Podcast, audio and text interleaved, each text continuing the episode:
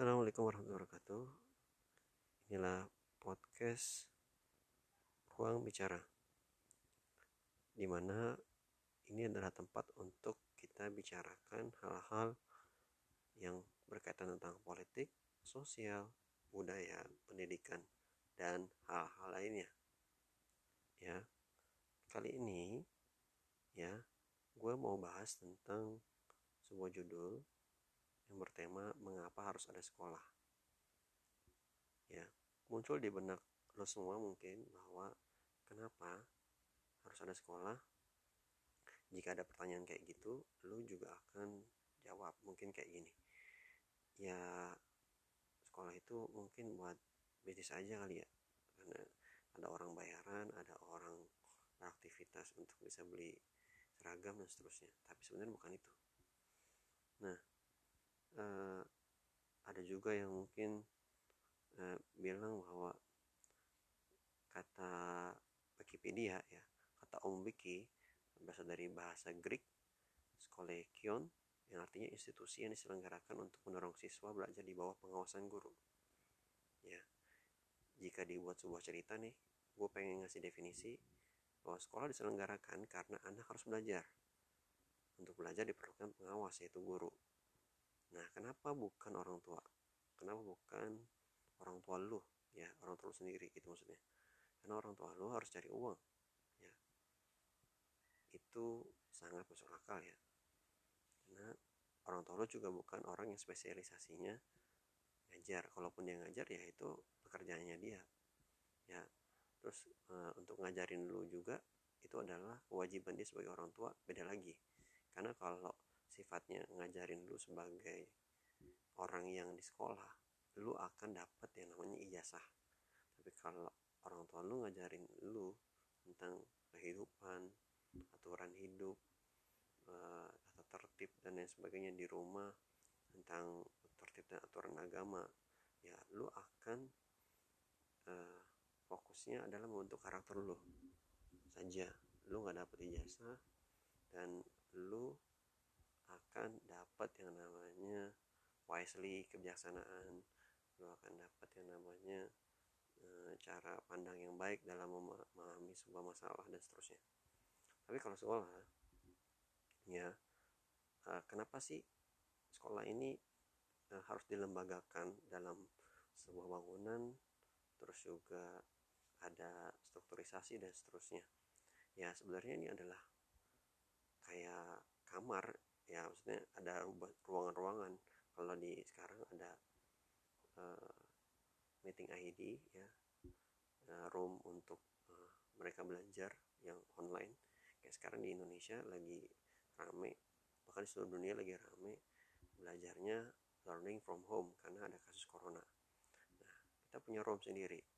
Sekolah A punya room sendiri sekolah B punya room sendiri dan dia akan belajar berdasarkan roomnya berdasarkan jenjangnya let's say uh, kalau uh, ya intinya model one room school zaman bala itu ya jumlahnya terlalu banyak.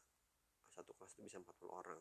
Tapi sekarang sudah cukup sangat ya apa ya sesuai kapasitasnya. Satu kelas itu minimal 20 sampai 25 orang. Itu udah sangat masuk akal dan gurunya dua atau bahkan tiga. Nah ini Eh, sangat memungkinkan anak untuk bisa dipantau dengan baik, dimonitoring dengan baik dan bisa mengerti nih nanti hasil laporan kepada orang tua lalu orang tua harus menindaklanjuti dengan cara apa gitu. Ya itu yang disampaikan dari pihak sekolah. Ada laporan tindak lanjut bahwa anaknya punya perkembangan ini orang tuanya kira-kira uh, sarannya dari sekolah seperti ini monggo dilakukan uh, tindakannya. Apakah mau ditambah proses belajar di rumah atau mau ada pendampingan yang lain. Nah pertanyaannya kenapa lu harus belajar? Atau kenapa kita semua harus belajar? Ya terus gue sempat tanya sama beberapa uh, siswa ya yang sekolah Indonesia. Dia bilang ya kalau belajar pak supaya pinter. Lalu kalau udah pinter ya nggak usah belajar. Itu anak SD ya. lalu gue nanya sama anak SMP ya kalau kita nggak belajar nanti untuk kita melanjutkan ke jenjang berikutnya susah. Nah ini udah mulai udah mulai rasional cara berpikir ya karena kalau anak SD masih belum punya tujuan yang jelas kan. Nah tapi secara historial belajar secara informal itu bisa melalui keluarga melalui alam dan lingkungan. Nah, kegiatan belajar mengajar itu ya bisa juga di tempat badan non formal kayak lu ke tempat yang namanya uh, sebuah guru yang sifatnya guru ngaji. Dia nggak punya lembaga tapi dia perseorangan dan lu belajar ngaji sama dia. Ya. terus juga uh, itu lebih banyak intinya tentang pemahaman hidup sih menurut gua pemahaman hidup dan nilai hidup. Lu punya aturan menurut lu dan aturan lu itu kadang-kadang nggak tentu benar. Tapi ketika kita belajar ketika kita sekolah kita diajarin untuk mengerti bahwa aturan-aturan itu seperti ini loh. Terus kita juga hidup di sebuah negara yang punya aturan. Nah kenapa sekolah jadi uh, punya aturan kayak gitu ya? Supaya kita mengerti bahwa aturan itu dibentuk dan dibuat untuk supaya kita disiplin dan patuh terhadap aturan itu supaya kita juga ngerti aturan itu akan berimbas baik kepada kita. Nah terus kenapa sih sekolah kita walaupun kita sekolah di swasta kita dikontrol sama negara? Ya barangkali sih menurut gua karena pendidikan itu nggak bisa dilepaskan dengan politik ya. Ada hal-hal yang notabene nah, nanti dia bisa dapat uh, bantuan operasional sekolah atau dia nanti ketika butuh bantuan yang hal yang lainnya pengurusan izinnya dan seterusnya itu tetap akan melibatkan pihak negara tapi dengan berubahnya satu sekolah menjadi status milik negara maka belajar di sekolah jadi nggak nyenengin banget sih menurut gua. Ya kayak kita sekolah di negeri gue pernah sekolah di negeri ya eh, waktu SMP sama SD yang menyenangkan sih menurut gue sih. Tapi yang ada hal yang nggak menyenangkan karena apa? Semuanya textbook banget gitu. Ketika gurunya ya di sekolah gue begini sekolah lain hampir sama nggak jauh beda.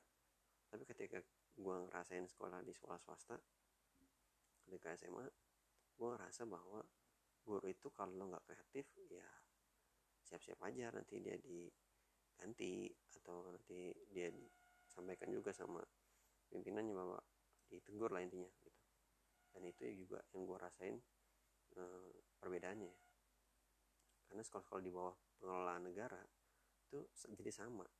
Padahal sebenarnya e, pelajarannya walaupun sama kan bisa dikonvert atau bisa di apa diolah lebih baik lagi supaya sesuai dengan kebutuhan siswanya juga gitu kan. Kalau siswanya misalkan ada yang belajar lebih suka belajar matematika ya nggak usah dipaksa dia uh, mengerti tentang bahasa Indonesia secara bagus gitu. Kalau nilainya dia 6 itu udah udah bagus. Tapi kalau matematikanya 10 ya yang harus ditonjolin ya matematikanya. Kenapa? Anak itu nggak boleh dijatuhkan nggak boleh di apa ya dibuat down karena ketika dia udah punya satu hal yang bagus lalu dia malah dijatuhkan karena satu nilai yang buruk aja ya. Ya akhirnya nantinya dia akan putus asa bisa bahaya itu nanti jadinya nah kita malah justru harus ngangkat yang memang bagus lalu nanti kita pelan-pelan kita perbaiki ya. Itu menurut gua ya. Nah dan gue juga ngajar di sebuah sekolah dan gue ngerasa uh, memang kaitannya kalau sekolah-sekolah uh, yang esensi belajarnya international school terus juga swasta dia punya greta sendiri supaya bisa uh, tetap diminati oleh kalangan segmented yang membutuhkan uh, kebutuhan itu. Contohnya uh, dia pengen bilingual. Ya kalau dia nggak bilingual ya orang yang pasti bilingual itu intinya yang mau nyekolahkan anaknya di situ pasti setidaknya pendidikannya tinggi gitu. Dia juga pendapatannya juga tinggi. Dan secara keseluruhan orang yang menyekolahkan anaknya bilingual pengen anaknya ketika pasca sekolah di situ dia tetap bisa melanjutin di sekolah yang setara dengan itu agar nanti dia siap ketika nanti dia kuliah dia sudah bisa mengerti tentang bahasa yang nantinya dibutuhkan untuk persiapan pasca itu. Contohnya bahasa Inggris dan bahasa Prancis misalkan atau bahasa yang lainnya ya.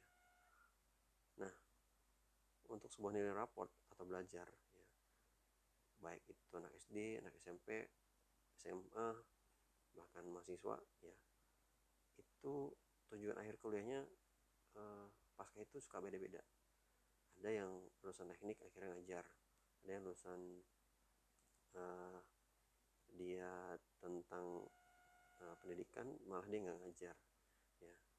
Nah gelar itu sebenarnya bukan berarti jadi tujuan akhir. Bahwa lu akhirnya nggak boleh ngajar karena lulusan teknik ya, itu bebas aja. Jadi mengapa harus ada sekolah? Ya intinya sekolah itu adalah cara terbaik untuk mencerdaskan seluruh rakyat ya, gak mengenal kasta gak mengenal keberagaman ya. Tapi tujuan akhirnya mencetak generasi bangsa yang baik. Terima kasih. Assalamualaikum warahmatullahi wabarakatuh